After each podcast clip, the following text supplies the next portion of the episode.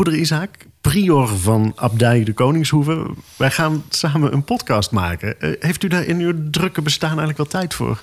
Mijn dag ziet er druk uit omdat wij een vast schema hebben. En dat begint, uh, ik sta om half vier op. Of als ik kaas maak, dan is dat nog anderhalf uur eerder. En s'avonds om half acht hebben wij de laatste dienst. Daar moet je het een beetje tussen proppen. En wat is dan dat tussenproppen? Er staat hier een abdij, er is dus een kaasmakerij. Maar de prior is ook een beetje de moeder van het huishouden. Dus het huishouden gaat ook door. Dus... Hebben, het thema is bewust leven. Is dat een belangrijk thema voor u? Daar zijn we eigenlijk de hele dag wel zo'n beetje op, op gefocust.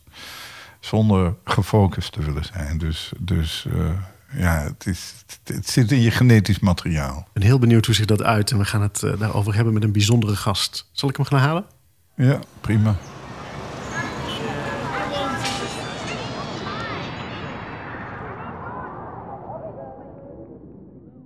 De stilte. Pas als je er echt tijd voor neemt, kun je het ervaren. Ervan genieten. Het proeven. Het proeven? Jazeker, het proeven. Maar hoe doe je dat? Daar ga ik in deze podcastserie naar op zoek. Samen met broeder Isaac van Abdij de Koningshoeve spreek ik met inspirerende gasten over het belang van stilte en het genieten van een bewust en aandachtig leven. Mijn naam is Oscar Kokker en dit is Proef de Stilte.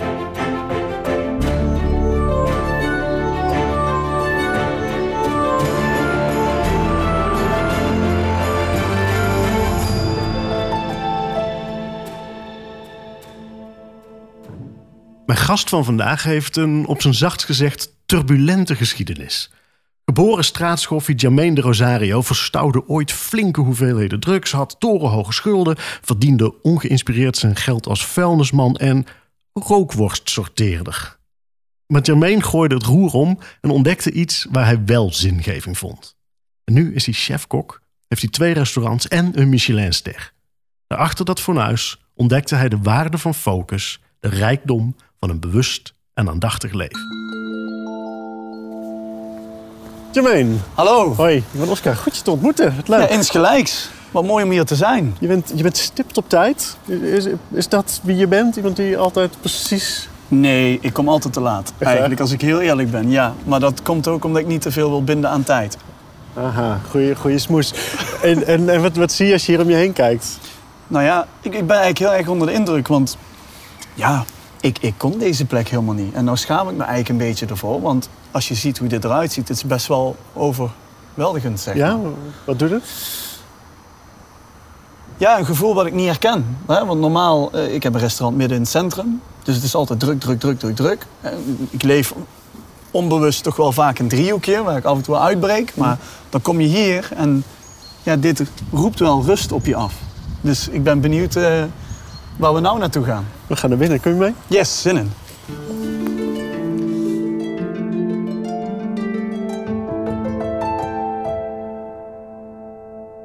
Broeder Isaac, dit uh, is hem, Jermaine de Rosario. Kenden jullie elkaar al? Wist u van zijn bestaan? Uh, nee, nooit van gehoord. Daar ben ik heel eerlijk in. Maar u vertelde wel, of u gaf een aantal typeringen... waardoor ik denk, goh, ik herken wel wat in die man. Oh ja? En dan was er vooral het woord rebels. Echt waar? Ja. Hoe, hoe zit dat? Men denkt over het algemeen dat wij als monniken heel traditioneel leven en, en eigenlijk stoffig en ouderwets zijn.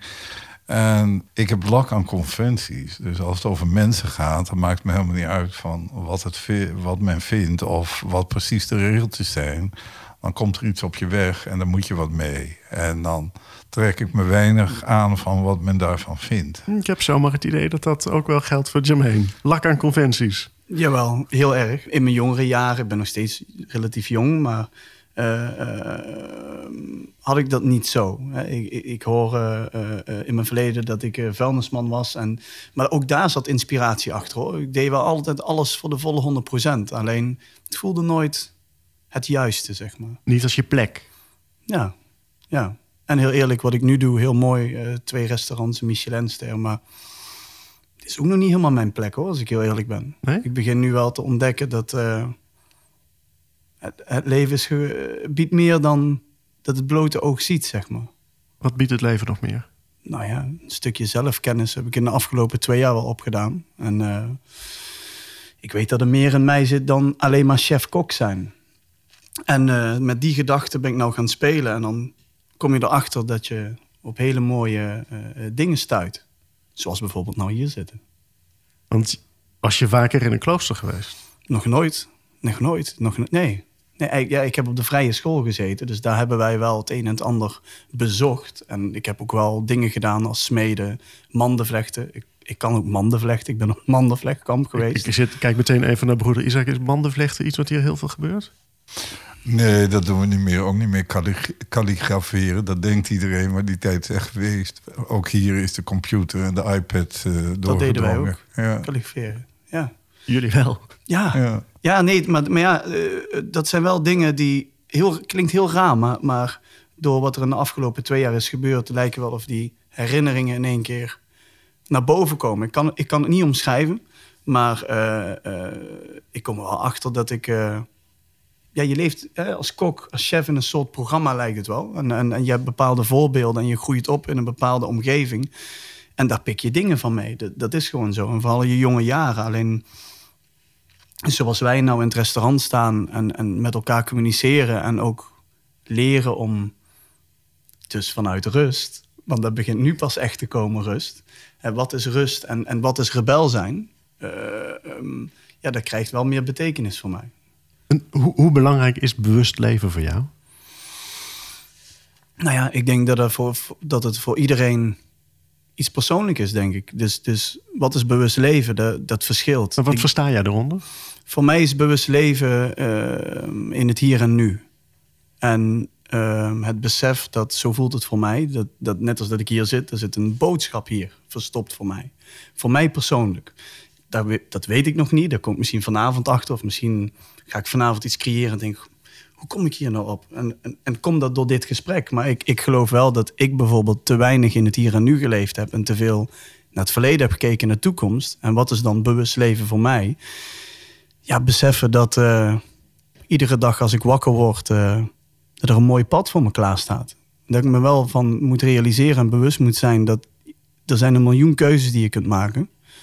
En iedere keuze heeft effect. Linksom of rechtsom, iedere keuze heeft effect. Dus wat voor keuze ga je maken? Hoe ga je met iemand om? Als iemand een fout maakt, is het een fout? Wat, wat, wat, hebben we mee te maken? kan je dat bespreekbaar maken? Of moet je op een gegeven moment resoluut zijn? En het, is, het brengt zoveel. Dus bewust leven voor mij is, is... Ik weet het nog niet precies. Maar voor mij op dit moment, in, in de fase van mijn leven waar ik nu ben... is dat beseffen dat ik in het hier en nu leef. En dat als ik besluit om mezelf nu op dit moment te veranderen, dan kan ik dat nu doen. En dan kunnen anderen zeggen, ja, dat is niet waar. Maar anderen refereren naar de Jermaine die ze kennen en uit het verleden. Dus als ik besluit om nou te veranderen, kan ik nu veranderen. Alleen er is maar één iemand die dat besluit. Dat ben ik. Luistert u hierna, broeder Isaac? Nou, ik heb daar, ik heb daar wel veel herkenningen, herkenningspunten in. Maar ik vlieg net iets anders aan. Mijn lijfspreuk is wel een beetje... de werkelijkheid is mooi genoeg, dus die hoef ik niet op te leuken. Uh, mensen denken dat wij een oerzaai leven hebben. Het is heel gestructureerd. En dat is ook zo. Dat, zeven keer per dag kom je bij elkaar. Je doet alles in gemeenschap. Je werkt en je leeft met een groep uh, mannen die je nooit zelf hebt uitgekozen. Dus, dus uh, daar heb je het maar mee te doen. Daar kan je dus heel zagrijnig van worden. Van, dus ik weet tegen die aan te kijken. Maar ik zeg dan ook altijd maar weer van... ja, hier moet ik het mee doen, anderen zijn er niet. Dus dat geeft een stuk rust eigenlijk. En wat ik heel erg herken is van... Uh, die structuur van zo'n dag geeft ook heel veel ruimte. Want ik zelf ervaar dan, als die dag zo gestructureerd is... ik, ik hoef niet na te denken of ik om kwart over vier in de kerk zit. Ik zit er. En dat is eigenlijk de hele dag door. Dus dat zijn helemaal geen keuzemomenten. En ja, verder denk ik dat er in elk mensenleven eh, een soort structuur zit. Iedereen staat op, iedereen begint met zijn tanden te poetsen, springt onder de douche en noemt het maar allemaal op. Wij zitten allemaal in een soort ritme en ik denk dat we dat ook ergens hm. nodig hebben. Maar de term leven in het hier en nu, is dat iets belangrijks? Uh, ja, dat vind ik wel belangrijk. En, maar vooral vanuit het perspectief van... Uh, in het hier en nu komen er dingen op mijn pad. En ik, ik plaats dat wel in een wat groter geheel. Ik moet zeggen, ik, ik heb lang uh, op het Afrikaanse continent gewoond en gewerkt voordat ik monnik werd. En daar kom ik nog regelmatig. En dan kun je overweldigd raken door de armoede of de problemen die je daar tegenkomt. Dat kun je niet allemaal aan. Maar een van de laatste keren dat ik er was, dacht ik, er zit onder een, een struik een, een, een kattenmouw. En er bleek een moeder met een kind te zitten wat, wat doodziek was. Nou, ik kan die twee, het was in Oeganda, ik kan die 52 miljoen Oegandezen niet helpen. Maar die vrouw met dat kind kwam op mijn pad en die nam ik dan mee naar het ziekenhuis. En dan gaan we gewoon wachten totdat er iemand naar kijkt. Dus dat is erg in het hier en nu. En aan de andere kant ben je dan toch ook bezig met een groter geheel. En dat is de mensheid in, zijn, uh, in al zijn facetten. En dat vind ik fascinerend. Maar dat herken ik ook wel in jouw verhaal van... ja, hier gebeurt het nu en daar moet ik wat mee doen. Hier gebeurt het nu, hier moet ik iets mee doen. En dat gaat denk ik ook over openstaan voor alles wat zich aandient. Weet je dat voorheen te weinig? Ja, veel te weinig ik, ik vind persoonlijk dat ik uh, gewoon heel erg een, een, een, programma heb doorlopen. En daar zitten hier natuurlijk wel met broeder Isaac een paar verschillen. Omdat uh, ja, ik, ik, krijg natuurlijk op mijn werk regelmatig te maken met jongeren die echt in de knoop zitten. Omdat continu het telefoontje, continu die, dat hun onbewustzijn gevuld wordt met allemaal informatie die vaak ook helemaal niet relevant is. En wat ook helemaal niet iets met hunzelf in persoon te maken heeft. En ja, voor mij is dat in ieder geval wel een beetje de uitdaging, ook op de zaak, om mijn eigen lessen, maar ook dat weer over proberen te brengen aan hun. En niet dat ze hetzelfde als mij moeten doen, maar meer, kijk, hier is waar, ik tegenaan loop. En hmm. laten we met z'n allen toch wat meer onszelf laten zien. En dat is heel moeilijk, want ja, als je jezelf laat zien, dan komen je minpunten, wat die minpunten ook maar mogen zijn. Wat is min en wat is plus en wat is goed en wat is slecht. Ja, die worden dan ook uh, beter zichtbaar, denk ik dan. Wat zijn jouw minpunten? Oeh, dan zitten we hier nog wel even. Mijn minpunten zijn, uh, ja, ik, ik reageer heel erg uh, af en toe iets te emotioneel. en emotioneel bedoel ik, ik denk dat ik wel een heel goed empathisch vermogen heb, maar soms vind ik het ook wel vervelend. Dan heb ik bepaalde mensen voor mij en soms is het ook goed om nou juist de riem wat strakker te trekken om een les over te brengen. In plaats van altijd maar te zeggen: ik help je, ik help je, ik help je. En, en daar vind ik daar heb ik heel veel moeite mee gehad, omdat uh, heel veel dingen zijn herkenbaar. Ik, ik, ik hou niet zo van leed en vooral onnodig leed. En uh, ja, je moet je ook weer niet alles aantrekken, want je kan niet de hele wereld uh, redden. En ik hoor net ook al van ja, iets komt op mijn pad en daar kan ik iets mee doen. Maar wat ik al zeg, het is, ik ontdek heel veel dingen nu in deze tijd, in, in wat ons nu toekomt ja, daar zitten heel veel mooie dingen bij, maar ook heel veel afleiding. En daar, daar heb ik wel de laatste tijd uh, trubbel mee. Ja. We gingen een poos lang allemaal in één keer op de rem. We stonden in stilstand. De pandemie heeft daarvoor gezorgd. Je heeft misschien wel ogen geopend dat die haast niet per se gunstig is en dat we de tijd moeten nemen. Maar veel mensen zullen ook denken: ja, allemaal leuke nadig, bewust en aandachtig leven. Daar heb ik helemaal geen tijd voor. Ja, tijd flauwekul. Ja. Dat is echt flauwekul. Je bent baas over je eigen leven en ook over je eigen tijd. En dan is het een kwestie van keuzes maken. Kijk, die pandemie, daar kunnen heel veel aan ophangen. Maar je kunt, het ook, uh, je kunt er ook een invulling aan geven.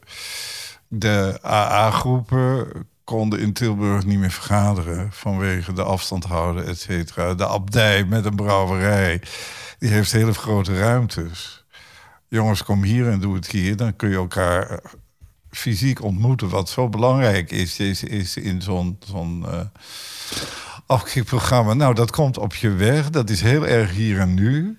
En dat is een keuze die je maakt. En, en op een gegeven moment uh, in het ziekenhuis liep het allemaal vreselijk over. En ja, ik ben ergens in mijn leven als verpleegkundige begonnen. Dus ik ben avonddiensten gaan draaien op de COVID-afdeling. Paste helemaal niet bij een monnik of whatever it may be. Maar dat komt op je pad. Heb je daar tijd voor? Nou, eigenlijk helemaal niet met die agenda. Maar is er daardoor iets structureels veranderd... waardoor ik het gevoel heb... dingen heb ik niet kunnen doen die ik wel had moeten doen? Nee. Dus ik, ik vind dat zo betrekkelijk van... van wij gaan over ons eigen leven, denk ik. En dat hoor ik ook van mijn overbuurman. En daarin maak je bepaalde keuzes. Of dingen overvallen je en dan moet je snel schakelen, dan moet je iets mee. Nou, en dan kun je zeggen, ik kijk het aan of ik kijk weg. Die keuze heb je, denk ik dan. Noemt iets interessants. Deze brouwerij, La Trappe, heeft ook een plek voor AA. Ja. Er gebeurt van alles in de wereld en deze brouwerij heeft tijd om een nieuw biertje te ontwikkelen. Ik zie hier op tafel iets staan, een nieuw biertje. ja, De Nilles. de Nilles, ja. Wat, wat, wat kunt u daarover vertellen? Nou, ten eerste ben ik trots eh, op het feit dat die daar staat. Ik bedoel, het is een 0.0. Eh, in, de, in het ontwikkelen van bier, dat ligt eigenlijk in de, de, de, de keuzes die we maken, worden door de monniken gemaakt. En eh, wat voor ons heel erg belangrijk was, eh, als je alcohol maakt en je verkoopt het ook, dan moet je ook de boodschap compleet eh, maken. En dat is ook dat er negatieve consequenties aan, aan, aan alcohol zitten. En nou ja, door zo'n groep hier naartoe, of twee groepen zijn er nou hier naartoe te halen, maar ook we zeggen oké, 0.0. Dus ook een ander die dus geen eh, alcohol kan verdragen of daar niet goed mee om kan geven, daar, daar creëren we dan ruimte voor. Eh, dat, is, dat is één ding. En twee, ja, het had ook wel een, een, een, een bijzondere connectie. Eh, Oeganda is voor ons een belangrijke plek. Wij hebben een dochterhuis in Kenia gehad, hebben moeten vluchten. Ik heb zelf in die gewelddadigheden toen gezeten. En toen zijn we in Oeganda opnieuw moeten gaan beginnen. En eh, vanuit het niets weer moeten gaan bouwen. Dus daar hebben we al een keer een biertje voor gemaakt, de Isidore. Om dus opstartkosten. En dit is een 0.0. En hij heet Nillers. En daar zitten dan drie betekenissen aan. Nillers, dat is een, een, een, een beetje boerenstoere eh, jongensnaam. Maar nihil, eh, het Latijnse nihil, niet, er zit geen alcohol in. Maar het verwijst ook naar de Nijl. En de bronnen van de Nijl liggen in Oeganda. En van daaruit stroomt dat water als het ware weer hier naartoe. En wij maken er bier van. En een deel van de opbrengsten vloeien weer naar Oeganda... waar men nauwelijks het hoofd boven water kan houden. Ik ga ze openmaken en inschenken. Het motto van La Trappe en de Koningshoeve is proef de stilte. De stilte is een manier om te genieten, maar ook om te bezinnen. En daarom onderbreken we deze podcast niet voor reclame, maar voor een momentje stilte. Waarin we genieten van La Trappe Nilles en ons ook even kunnen bezinnen.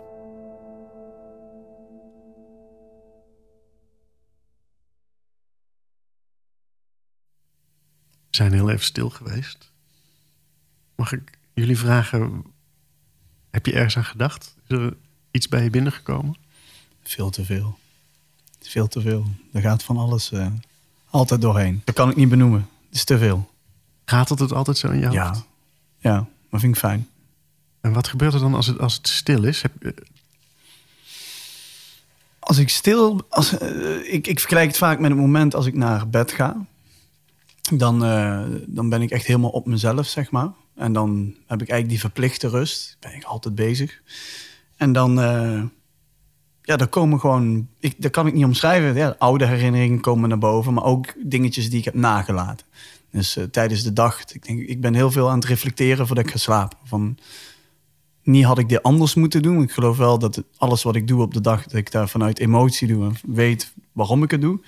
Maar wel eh, het effect daarvan met mezelf eigenlijk bespreek. Van dit is het effect, dat moet ik accepteren, want ik heb deze stap gezet. Dat zeg maar. is het behalve dat moment van naar bed gaan, is het overdag ooit stil bij jou? Nee, nee, eigenlijk niet. Stilte is een van de kernwaarden voor trappisten.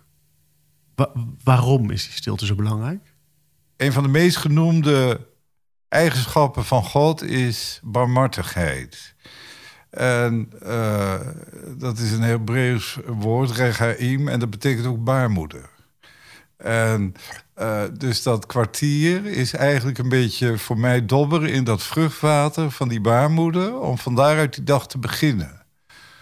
En dat, ja, dat vind ik, dat, dat is heilig. Ik bedoel, dat is woordeloos. Dat moet je ook verder niet anders maken dan dat je het voelt.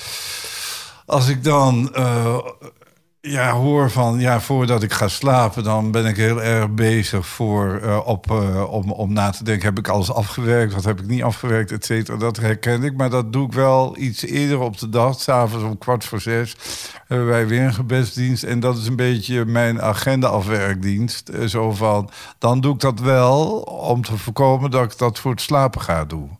Want dan ga ik toch iets rustiger slapen. En, dan, ja, ja. En het beste slaapmiddel is dan het beluisteren van een podcast. Want ik haal nooit het einde. Dat is een goede tip. Ja. Is die stilte soms ook confronterend? Nee, vind ik absoluut niet. Maar we hebben het over proefde stilte. Maar dan denk ik, waar hebben we het eigenlijk over? Wat is dat dan? En ik denk dat je dat toch ook wat concreter kunt maken Waarom zijn we met Proef de Stilte begonnen als slogan voor, uh, als marketing slogan? Een van de eerste reclamefilmpjes die toen, wij maken nooit geen reclame meer, toen gemaakt werden, was ochtends om vijf uur in Rotterdam een roltrap die daar alsmaar ronddraaide. En verder was het niemand. En dat, dat heeft heel veel indruk gemaakt. Dat heb ik vertaald naar hier. Je kunt de stilte hier echt proeven als je op het terras van proeflokaal zit. En je drinkt een biertje en je hoort een herfstblad vallen. Dat vind ik dan de stilte, omdat dat bijna onhoorbare ding is toch hoorbaar. En verder, ja, is uh, proef de stilte ook heel veel vechten om die stilte te bewaren. Want we hebben natuurlijk wel, we moeten hem echt bevechten, vind ik, in ons dagelijks leven. Hoe kom je nou bij die stilte? Het is wel heel grappig wat ik dit hoor. En dan denk ik denk daarna, was mijn, wat is mijn moment van stilte los van slapen? Voor het slapen. Maar dit klinkt misschien gek, maar tijdens de drukke avonden bij ons. En dat om me heen de chaos heerst. Een georganiseerde chaos. Dat is mijn stilte, ontdek ik net. Want dat zijn de momenten, de, de, mijn collega's weten het, dat je, het lijkt net alsof je alles ziet haal die tafel uit, even dat opletten, oh, de oven openen. Maar ik sta vaak op één punt te observeren en te kijken. Maar dat is het moment dat ik het helemaal in mijn element zit. Kan dat ook proef de stilte zijn? Snap je wat ik bedoel? Dat is raar. Want dan, als het te rustig is, dan kan ik die stilte niet proeven en denk te veel na. En zit ik in die volledige chaos om me heen, ben ik wel een van de weinigen hoor, maar ben ik helemaal mooi in mijn element ik helemaal gelukkig. Zo het liefst zeven dagen in de week, 24-7. Sorry naar mijn kinderen en vrouw toe, want dat ben ik natuurlijk ook heel graag. Maar dat is wel het moment dat je helemaal, ja, sereen. Ja, ik kan het niet uitleggen, maar dat moest ik aan denken toen ik u hoorde praten. Heel tegenstrijdig, maar... In het oog van de orkaan. Ja, ja, mooi gesproken. Ja, in de oog van de orkaan eigenlijk. Ik denk omdat je het dan ook toelaat op dat moment. Misschien wel, ja. Uh, en ik moet nog veel leren hoor. Dus, maar dat is, uh, ja. In die heel drukke keuken maak jij allerlei fantastische gerechten. En je hebt ons iets voorgeschoteld. Ik heb bewust gekozen uh, voor dit gerecht om mee te nemen, omdat hier heel veel emotie in zit. En ik zal het proberen beknopt te vertellen. Het gerecht heet pechil. En gado gado, dat kennen wij allemaal. Uh, ik denk de luisteraars ook. Maar gado gado is een pindasaus verwarmd. En pechil is een pindacrème met alleen maar rauwe ingrediënten en ook rauw bereid. Dus je moet het eigenlijk ook dagvers maken, anders trekken de kruiden te veel in de crème. Een van mijn beste vrienden die heeft uh, vorig jaar bij ons gewerkt en die heeft een opleiding gedaan Food and Design. Als afstudeerproject, afstudeerproject naar Indonesië verhuisd. En uh, heeft er uiteindelijk drie jaar gewoond. Hij ging daar naartoe als vrijgezel, heeft zijn huidige vrouw daar ontmoet. Alleen ja, wil het lot zo toeslaan dat zij uh, zwanger was, maar niet getrouwd. En dan in Indonesië is dat uh, no-go. Nou, getrouwd. Op een gegeven moment hadden wij alles rond, zou die naar ons toe komen. Eerste paasdag belden we met elkaar. Dochter geboren, Selena. En uh, tweede paasdag was ze overleden. Super heftig, vooral voor hun natuurlijk. In Indonesië krijg je dan ook binnen 48 uur. Moet je hem thuis begraven. Nou, we hebben dat met z'n allen doorgemaakt. En uh, uiteindelijk een anderhalf jaar later kwamen zij terug. En ja, ik ben nog nooit in Indonesië geweest. Dus ik vroeg aan hem, kan jouw vrouw iets maken van mij wat echt uit de regio komt? En hij gaat naar huis, hij vertelt het, zijn vrouw een beetje spanning. komt weer dat, dat, dat woordje sterrenchef. En toen zei hij, waarom maak je geen pechil? Voor mij is dat de belichaming van hun dochter. hij plant het zaadje, zij maakt pechil, ik proef het, ik dacht wow. En toen moesten wij iets gaan doen en toen moest ik een mooi gerecht maken, vegetarisch. En toen vroeg ik aan hem van, nou, ik heb een mooi verhaal aan dit gerecht, maar het voelt een beetje alsof ik ermee te koop loop. Mag ik dat vertellen? Zij zeiden, nee, is prima. We hebben dit gerecht dus drie, uh, drie vier maanden geserveerd in ons restaurant. En wat is het? U ziet het horentje. Het horentje, daar zit een, een, een, een motief op, maar dat is de batik, oftewel de, de klederdracht daar. Dit is ook nog eens de batik uit Indonesië. En geloof het of niet, hij kwam met een blaadje naar mij toe met twintig motieven. Ik zei, doe maar die. Ja, toen moest hij natuurlijk een beetje brullen. Ik zei, wat is er? Hij zei, ja, dit is de batik uit Jogja. Ik zei, ach, dat meen je niet. Daar is het allemaal gebeurd. Daarin ziet u een boeket met longtongrijst, gedroogde rozenbraadjes, want daar gooien ze met, met, met bloemen hè, tijdens een begrafenis. En eigenlijk is dit, leggen we met z'n allen een boeket bloemen bij hun dochter. En ik ben er nooit geweest, maar dit was onze manier van het verwerken van het eten. Nou ja, als je op deze manier een nieuw level aan je eten kan brengen. En, en, en dat is. En niet iedereen aan tafel hoeft dit verhaal te horen, maar het gaat voor ons om gevoel. En sommige tafels zeggen dit is chill, maar wij leggen wel met z'n allen een bosje bloemen bij Selena. Dus dat is het verhaal. Heel mooi verhaal. Geniet ervan. Dat we het eventjes gaan proeven, ja zeker. Vooral als de pindacrème komt, je proeft de olie. En, maar het mooie is, omdat het verhaal daaraan gekoppeld is... en je neemt jouw mensen mee in het verhaal. Zij koken dat met nog meer overgave. Dus je, je ziet dat, dat iedereen die dit maakt, kookt het met bezieling... omdat ze weten wat, wat, wat het verhaal hè, eraan gekoppeld is. En dat is toch anders dan een lepeltje caviar op een mooi product. Bezieling. Dus dat, ja, bezieling. Ja. En dit geeft dan automatisch ook weer rust aan de ziel, zeg maar. Dus ja. Het is heerlijk. Je vertelt, je vertelt over de liefde, over de aandacht die je geeft aan het maken en het vertellen van het verhaal en het delen daarvan. De ingrediënten zelf, komen die ook nog van een speciale plek? Ja, we zijn uh, natuurlijk, ons doel is om, om volledig zelfvoorzienend te worden. Ik, ik moet ook heel eerlijk bekennen, wij, zijn niet altijd zo geweest. Hè. Dit is echt gekomen door de afgelopen twee jaar. En uh, dan, ik ben ook wel iemand die er dan vol voor gaat. Dus we hebben natuurlijk in ons vakgebied, en dat moet er ook wel zijn, denk ik. Maar we hebben heel veel te maken met lijstjes en met dingetjes die jouw ego omhoog duwen. Dus vaak, ik heb een heel verkeerd doel gehad. En dat is niet meer het doel. Het doel is nu, als het goed is, heb ik nog een redelijk brede horizon. Als we het dan hebben over rebel zijn, dan uh, denk ik dat het uh, rete goed is om wat meer zelfvoorzienend te worden. En dat is mijn vorm nu van rebel zijn. En, en dan hoef ik verder daar geen woorden aan te slijten, want ik denk dat wij dan wel weten wat ik daarmee bedoel. En ik wil niet meer afhankelijk zijn van grote corporaties. Dus ik heb geen Coca-Cola-koeling meer dadelijk straks. We hebben onze eigen uh, dranken. We zijn bezig met kombucha's. Uh, we zijn bezig met onze eigen siropen. Um, ik heb een jonge man werken, die heeft nou inmiddels al acht boeken uit... wat over tuinieren gaan, maar ook over de stand van de zon en de maan. En, en, en, en we gaan echt nog dieper. We willen, ik wil echt de essentie proberen aan te raken. Eh, zolang ik in ieder geval nog hier mag rondlopen. En dat betekent inderdaad ook in de zaak zonnepanelen. Maar we zijn, hebben in de Alerikselseweg een heel groot stuk grond van een vriend van mij... waar ik toevallig vandaag ben geweest. Waar we hebben gekeken van hoe gaan we dit aanpakken. Dus dit is echt een jarenplan. Maar, maar dat is het doel dit komt al gedeeltelijk van onze eigen grond, zeg maar. En ja, dat maakt ons wel trots. En heb je meer affiniteit met de producten, maar ook wat meer respect. Want wat geeft dit jou zoveel aandachtiger leven? Toen wij de ster hadden gehaald en, en op een voorpagina van een magazine en een boek en er komt een docu uit. En, maar ik kom er steeds achter dat uh, er zit hier ergens een, een, een leegte.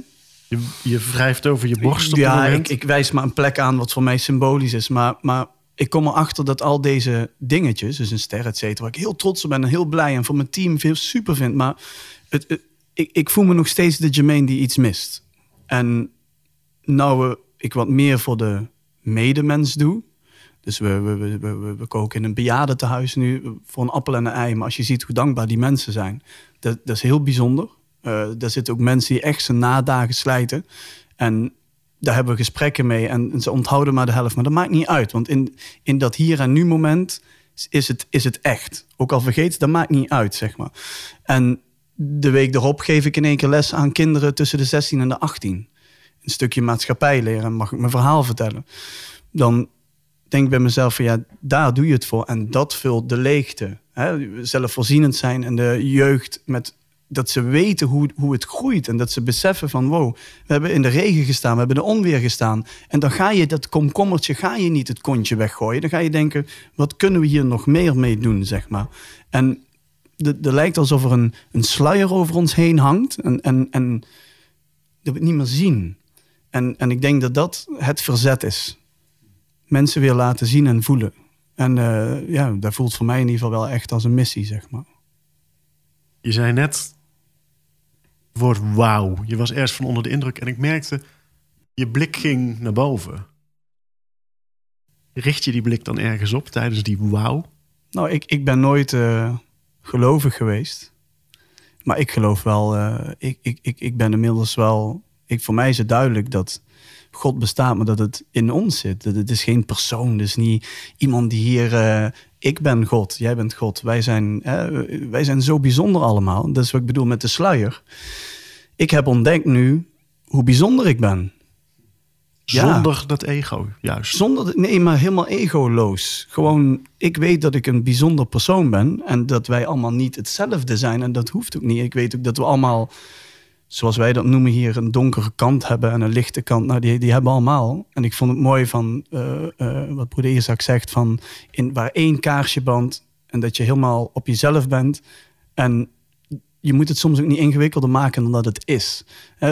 tegenwoordig is er overal een handleiding voor en een gebruiksaanwijzing en alles moet overdreven duidelijk zijn. Maar er is ook zoiets als gewoon laat het gaan. Gewoon gevoel. Gewoon doe niet zo ingewikkeld. En dit werkt voor mij. Ik, weet, ik heb de antwoorden ook niet, maar dit is wat ik tot nu toe ontdekt heb, zeg maar.